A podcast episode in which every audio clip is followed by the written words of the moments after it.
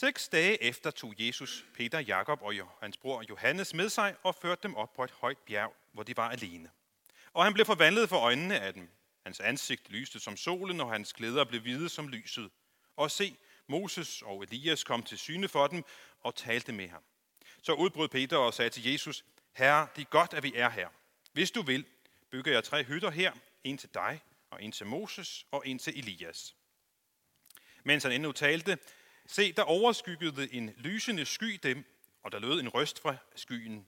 Det er min elskede søn. I ham har jeg fundet velbehag. Hør ham. Da disciplene hørte det, faldt det ned på deres ansigt og blev grebet af stor frygt. Men Jesus gik hen og rørte ved dem og sagde, rejs jer og frygt ikke. Og da de løftede deres blik, kunne de kun se Jesus alene. Mens de gik ned fra bjerget, befalede Jesus dem, fortæl ikke nogen om dette syn, for menneskesønnen er opstået fra de døde. Amen.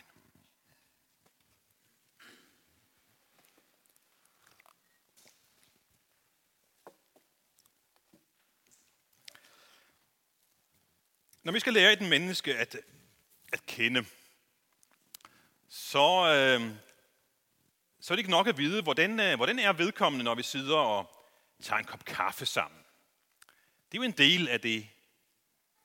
Nogle mennesker kender vi på den måde. Vi kender dem som på kaffeniveau, om jeg så må sige, eller te, hvis man øh, drikker det. Øhm.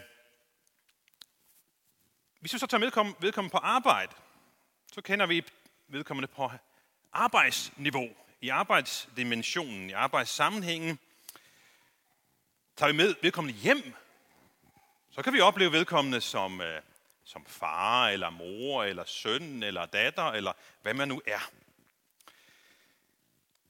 Eller som svigerdatter, eller svigersøn. Det kan der også være forskellige relationer. Nu har vi i dag besøg af den færøske menighed, og øh, det var der, jeg mødte Sigrid. Vi mødtes i Eliaskirken færøske arbejde. Og øh, der lærte jeg hende først at kende som menighedsdeltager. Og på kaffeniveau efterfølgende, det er jo meget, meget vigtigt at have en kop kaffe efter sådan et møde, lige så vel som efter en gudstjeneste. Men senere, så er der kommet nye dimensioner til. Og øh, nu er det mere end 20 år siden, at vi stod foran et alter i min egen hjembys kirke og sagde, ja, vi vil være sammen resten af livet. Og nogle af de ting, jeg har lært om hende i de mange år, har været nye ting. Stadig nye ting, og jeg tænker på jer, som også har været gift endnu længere. Der kommer stadig nye ting, man kan lære om den anden. Også at lære et menneske at kende, når man er nedtrykt. Når man er, når man er ked af det, når man ikke er på toppen. Fordi når man er, har det godt og er på toppen osv., så, videre, så kan man måske præstere meget. Men hvordan er man så, når man er nede og skrave bunden? Hvis vi så tager vores relation til Jesus ind her, så tror jeg, at mange af os kender Jesus som ham, der, der gerne lytter til os. Han er den øh, venlige børneven, han er søndernes ven. Han øh, har tid til den enkelte, han, han står ved døren og, og banker på og den relation, hvor, hvor Jesus nærmest er, på, er i øjenhøjde med, med os.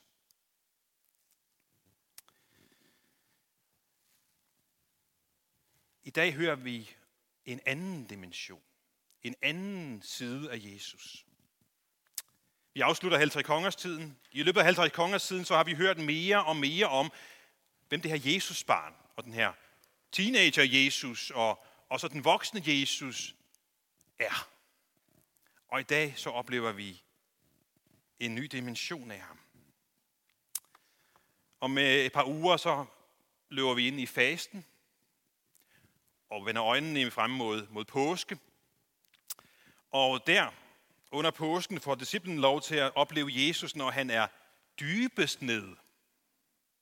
De får lov til at opleve ham, hvor han er i dødsangst, hvor han er i fortvivlelse, de får lov til at se, hvem man er, når han er længst nede, når hans svedperler er røde af blod. Og lidt senere, når det ikke bare er svedperlerne, der er blod, men der løber blod ud af kroppen mange steder. Men dertil er vi ikke kommet nu. Nej. I dag så tager vi med Jesus op på dette høje bjerg, sammen med forretningsudvalget af disciplene. Og vi kan måske sige, at de får lov til at opleve et glimt af, hvem Jesus er, når han er hos Gud. Men det er den samme Jesus. Det er den samme Jesus. Det er den samme Jesus, som, som, øh, som de oplever her. Som den Jesus, der øh, står og kigger op i et træ og siger, Zacchaeus, kan du lige komme ned? Jeg vil gerne hjem til dig i dag og være din gæst. Det er den samme Jesus. Den samme Jesus, som vandrer tålmodigt sammen med sine disciple og, og belærer dem igen og igen. Den samme Jesus, som sveder blods dråber. Den samme Jesus, som er skaberordet. Han var i begyndelsen hos Gud, alt blev til ved ham, og uden ham blev intet til af det, som er. Det er den samme Jesus, som en dag skal komme igen på himlens skyer med stor magt og herlighed. Det er den samme Jesus, som en dag skal dømme levende og døde, som vi bekendte i trosbekendelsen. Det er den samme Jesus, som netop nu sidder ved Gud Faders, den almægtiges højre hånd. Den samme Jesus. Han var længe før os, han vil være længe efter os. Han er på højt niveau over os, og han er stedet dybt ned under os. Den samme Jesus. Og ved I hvad? En dag kommer han og henter os. Vi har ikke børn i børnehave længere, men, men jer, der har, I ved godt, at nogle gange så laver man en aftale og siger, i dag er det ikke mig, der kommer og henter, nej, det er mormor, der henter i dag. Åh, det er fint. Det skriver jeg bare lige ned, så skriver pædagogen op. Det er i orden, at mormor henter i dag. Ved du hvad? Ved en kristen bisættelse, så siger vi faktisk indirekte, ved du hvad? Hvem henter? Jesus. Jesus henter. Det samme er der udtryk på, på forskellige gravsten. Hvis vi kigger på, hvad, hvad står der egentlig på gravstenene? Det er jo lidt det samme, det her besked om, hvem er det, der henter her? Jesus. Så jeg bliver ikke... Man hører nogle gange en historie om, at børn bliver glemt i en børnehave. Vi bliver ikke glemt i den stendøde have, om jeg så må sige. Nej, Jesus henter. Det er jeg glad for. Jeg vil gerne blive hentet af Jesus. Det synes jeg kunne være sjovt. Det glæder jeg mig til. Det håber jeg også, I glæder jer til at blive hentet af Jesus. Han er alt dette her. Og samtidig, så er han vores nære, ja, han, han er vores nærmeste ven. Og hvis jeg, hvis, jeg, hvis jeg tænker over, hvordan jeg agerer i forhold til mine venner, så tror jeg faktisk, at Jesus er den af mine venner, jeg snakker mest med. Jeg plejer at have en god snak med ham kl. 8 om morgenen. Det er fantastisk. Jeg har fået skubbet børnene ud af huset, de er taget i skole. Tak farvel. Og så skal jeg snakke med Jesus. En lille morgensnak med Jesus, det er simpelthen den aller, aller, aller bedste dag. Den bedste start, man kan have på dagen. Hvis jeg skal drøne ud af huset, og ikke har fået min morgensnak med min ven, så er min dag helt anderledes altså. Men hvis jeg har siddet med Jesus og snakket en kvarters tid, eller 20 minutter, måske en halv time nogle gange, og hørt ham svare mig, når jeg er igen øh, Bibelen, det er bare den bedste start på dagen, altså. Det vil jeg klart anbefale. Prøv lige at lade være næste gang at starte med en mobiltelefon. Og tjek, om du har fået mail, eller der er sket noget på Facebook, eller noget den stil. Lad være med det. Start med samtalen med Jesus i stedet for.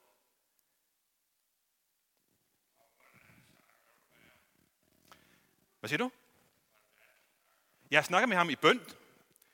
Jeg beder til ham. Yes, det er det, jeg gør, Claus. Det kan du også gøre, og det kan vi alle sammen gøre.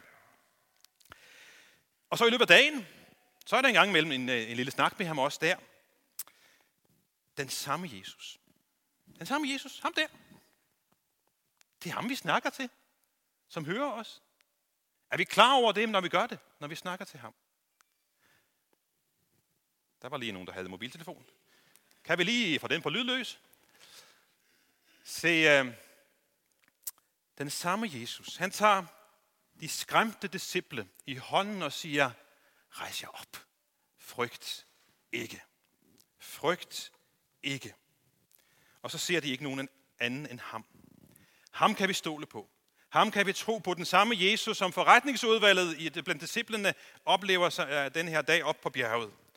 Når han banker på min dør, når han kigger på mig og siger, frygt ikke, så er det en gave til mig. Tak, Jesus. Den samme Jesus. Han er ikke for stor til at være min frelser. Og så siger Gud, hør ham.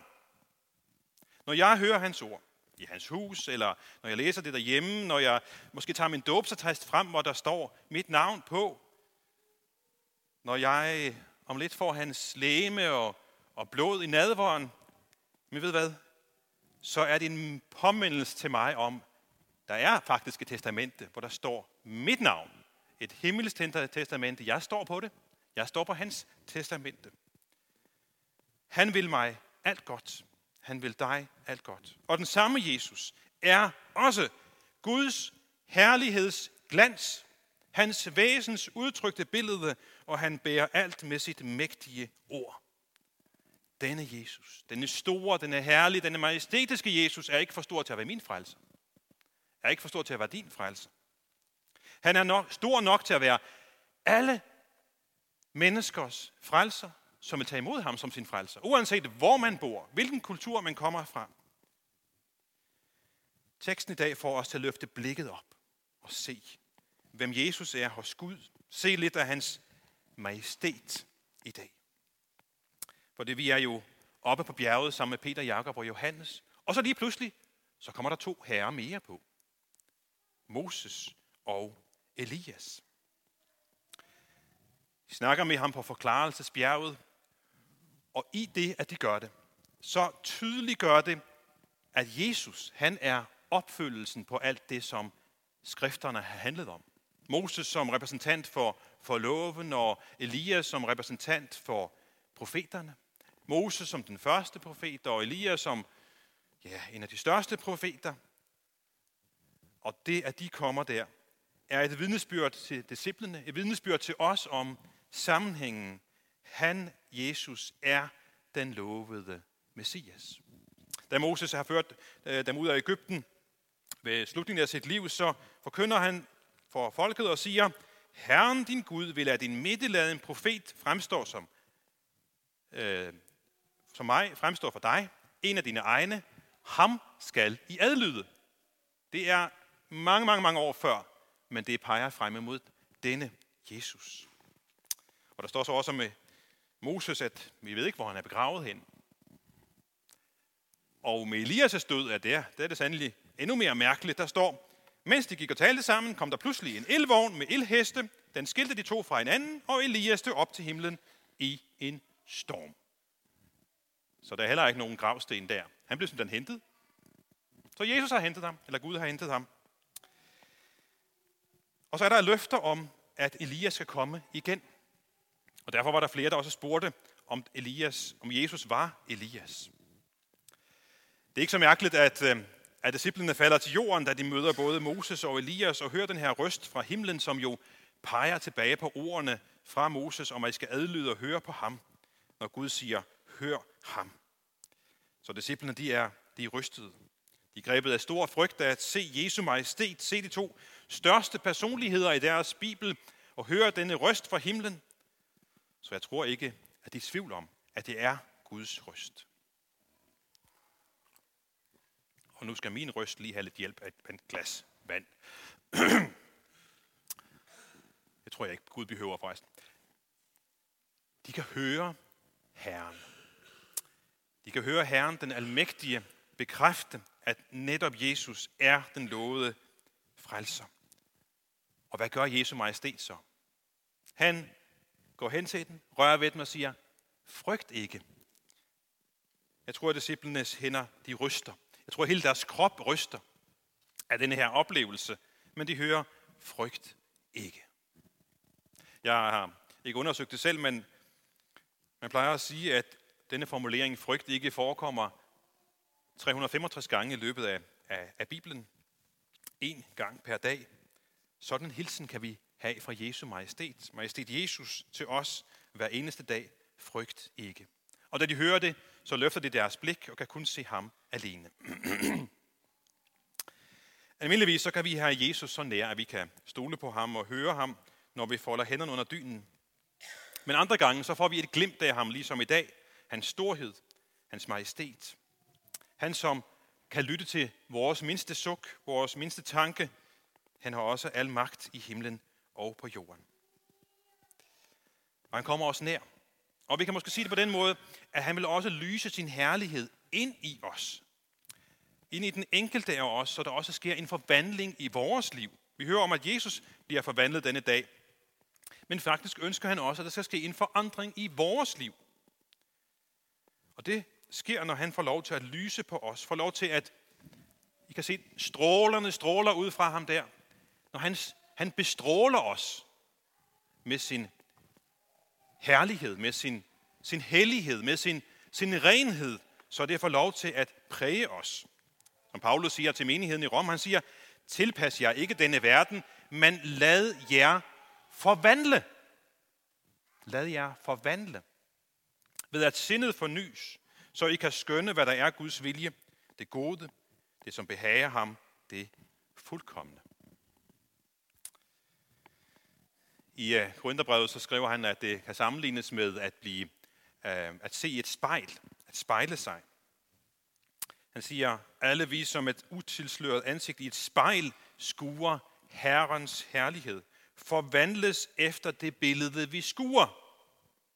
For herlighed, fra herlighed til herlighed, sådan som det sker ved Herren, den Herre, som ånden er. Så det er Jesu billede, der skal præge os. Det er hans stråler, der skal ramme os. Hvis vi havde læst fra, fra GT-læsningen, så ville vi have hørt om, at Moses, hans ansigt stråler så meget, han må have noget at dække ansigtet for. Dække for ansigtet. Så meget bliver han præget af sit samvær med Gud. Tror ikke, at vi skal alle sammen gå med tildækket ansigt, men, men jeg håber, at når vi er sammen med Gud, jeg håber, at I efter denne gudstjeneste, at det kan ses på jer, at I har været et sted og mødt Guds herlighed. Måske kan det høres på jer. Måske kan det opleves i jeres liv, at hans stråler har forvandlet os. Normalt taler man om, at der er fare for at blive bestrålet. Det handler typisk om noget farligt. Her er det ikke noget farligt her. Det er lige det, vi søger efter. Vi har ikke nogen geigertæller, der kan måle, hvor, hvor, hvor godt det så til med, med bestrålingen af os. Men jeg håber, at den slår i, i, i ud, når, hvis, det, hvis, hvis, hvis, hvis vi kunne måle hans bestråling af os. Det her billede skal få lov til at præge os. Og ved hvad? Og en dag, så vil han nyskabe os. Mine kære, siger Johannes, vi er Guds børn nu, og det er endnu ikke åbenbaret, hvad vi skal blive. Vi ved, at når han åbenbares, skal vi blive lige som han, for vi skal se ham, som han er. Da Jesus henter os, så skal vi se ham, som han er. Disciplen har været op på bjerget. Men de skal ned igen. Vi er til Guds tjeneste. Men vi skal ud igen. Det er søndag. I morgen er mandag. Vi skal have det med os. Vi skal blive stråles, smittes, inficeres, eller hvad vi kalder det, så vi tager det med og smitter andre. Ned fra bjerget, der møder de virkeligheden. Og Jesus siger til dem, det her, som jeg har mødt i dag, det skal jeg altså ikke fortælle nu. I må, I må, I må vente. I må simpelthen vente med at fortælle det her. Hvorfor? Jo, fordi han vil ikke have, at folk skal have ham som konge, fordi han er mirakelmager. Nej, han vil ikke nøjes med at være mirakelmager. Han vil være deres frelser. Og det var de ikke parat til at forstå endnu. Og derfor er det flere gange, vi hører Jesus sige, Shh, ikke fortælle det der til nogen. Det skal ikke misforstås, hvem jeg er. Kalder vi for Messias hemmeligheden. Jeg tror, at de fleste af os op, nogle gange kan opleve noget af det samme. Vi har været til, jeg tænker også på jer, øh, Lisa og, og Mie, altså I har været i Etiopien og har haft virkelig en, en fantastisk oplevelse, og, og, og det har gjort stort indtryk på jer. Og så kommer I tilbage til hverdagen. Jeg ved ikke, om det har været sådan en oplevelse eller hvad. Jeg håber, at I, I tager det med jer. Så I også, jeres hverdag bliver præget af det. Og jeg håber også, at vi alle sammen har det med i eftermiddag, har det med i morgen, har det med hele den næste uge, at vi i dag har hørt om den herlige Jesus oppe på bjerget. Har fået et øje på ham. have det med os ind i vores hverdag, så vi også lader disse stråler, som stråler fra ham, så vi kan være et, et spejl, et genskin af ham. Ja. Lad det blive det sidste ord. Og lad os nu rejse os og med apostlene til ønske hver andre. Hvor Herres Jesu Kristi nåde, Guds kærlighed og Helligåndens samfund være med os alle. Amen.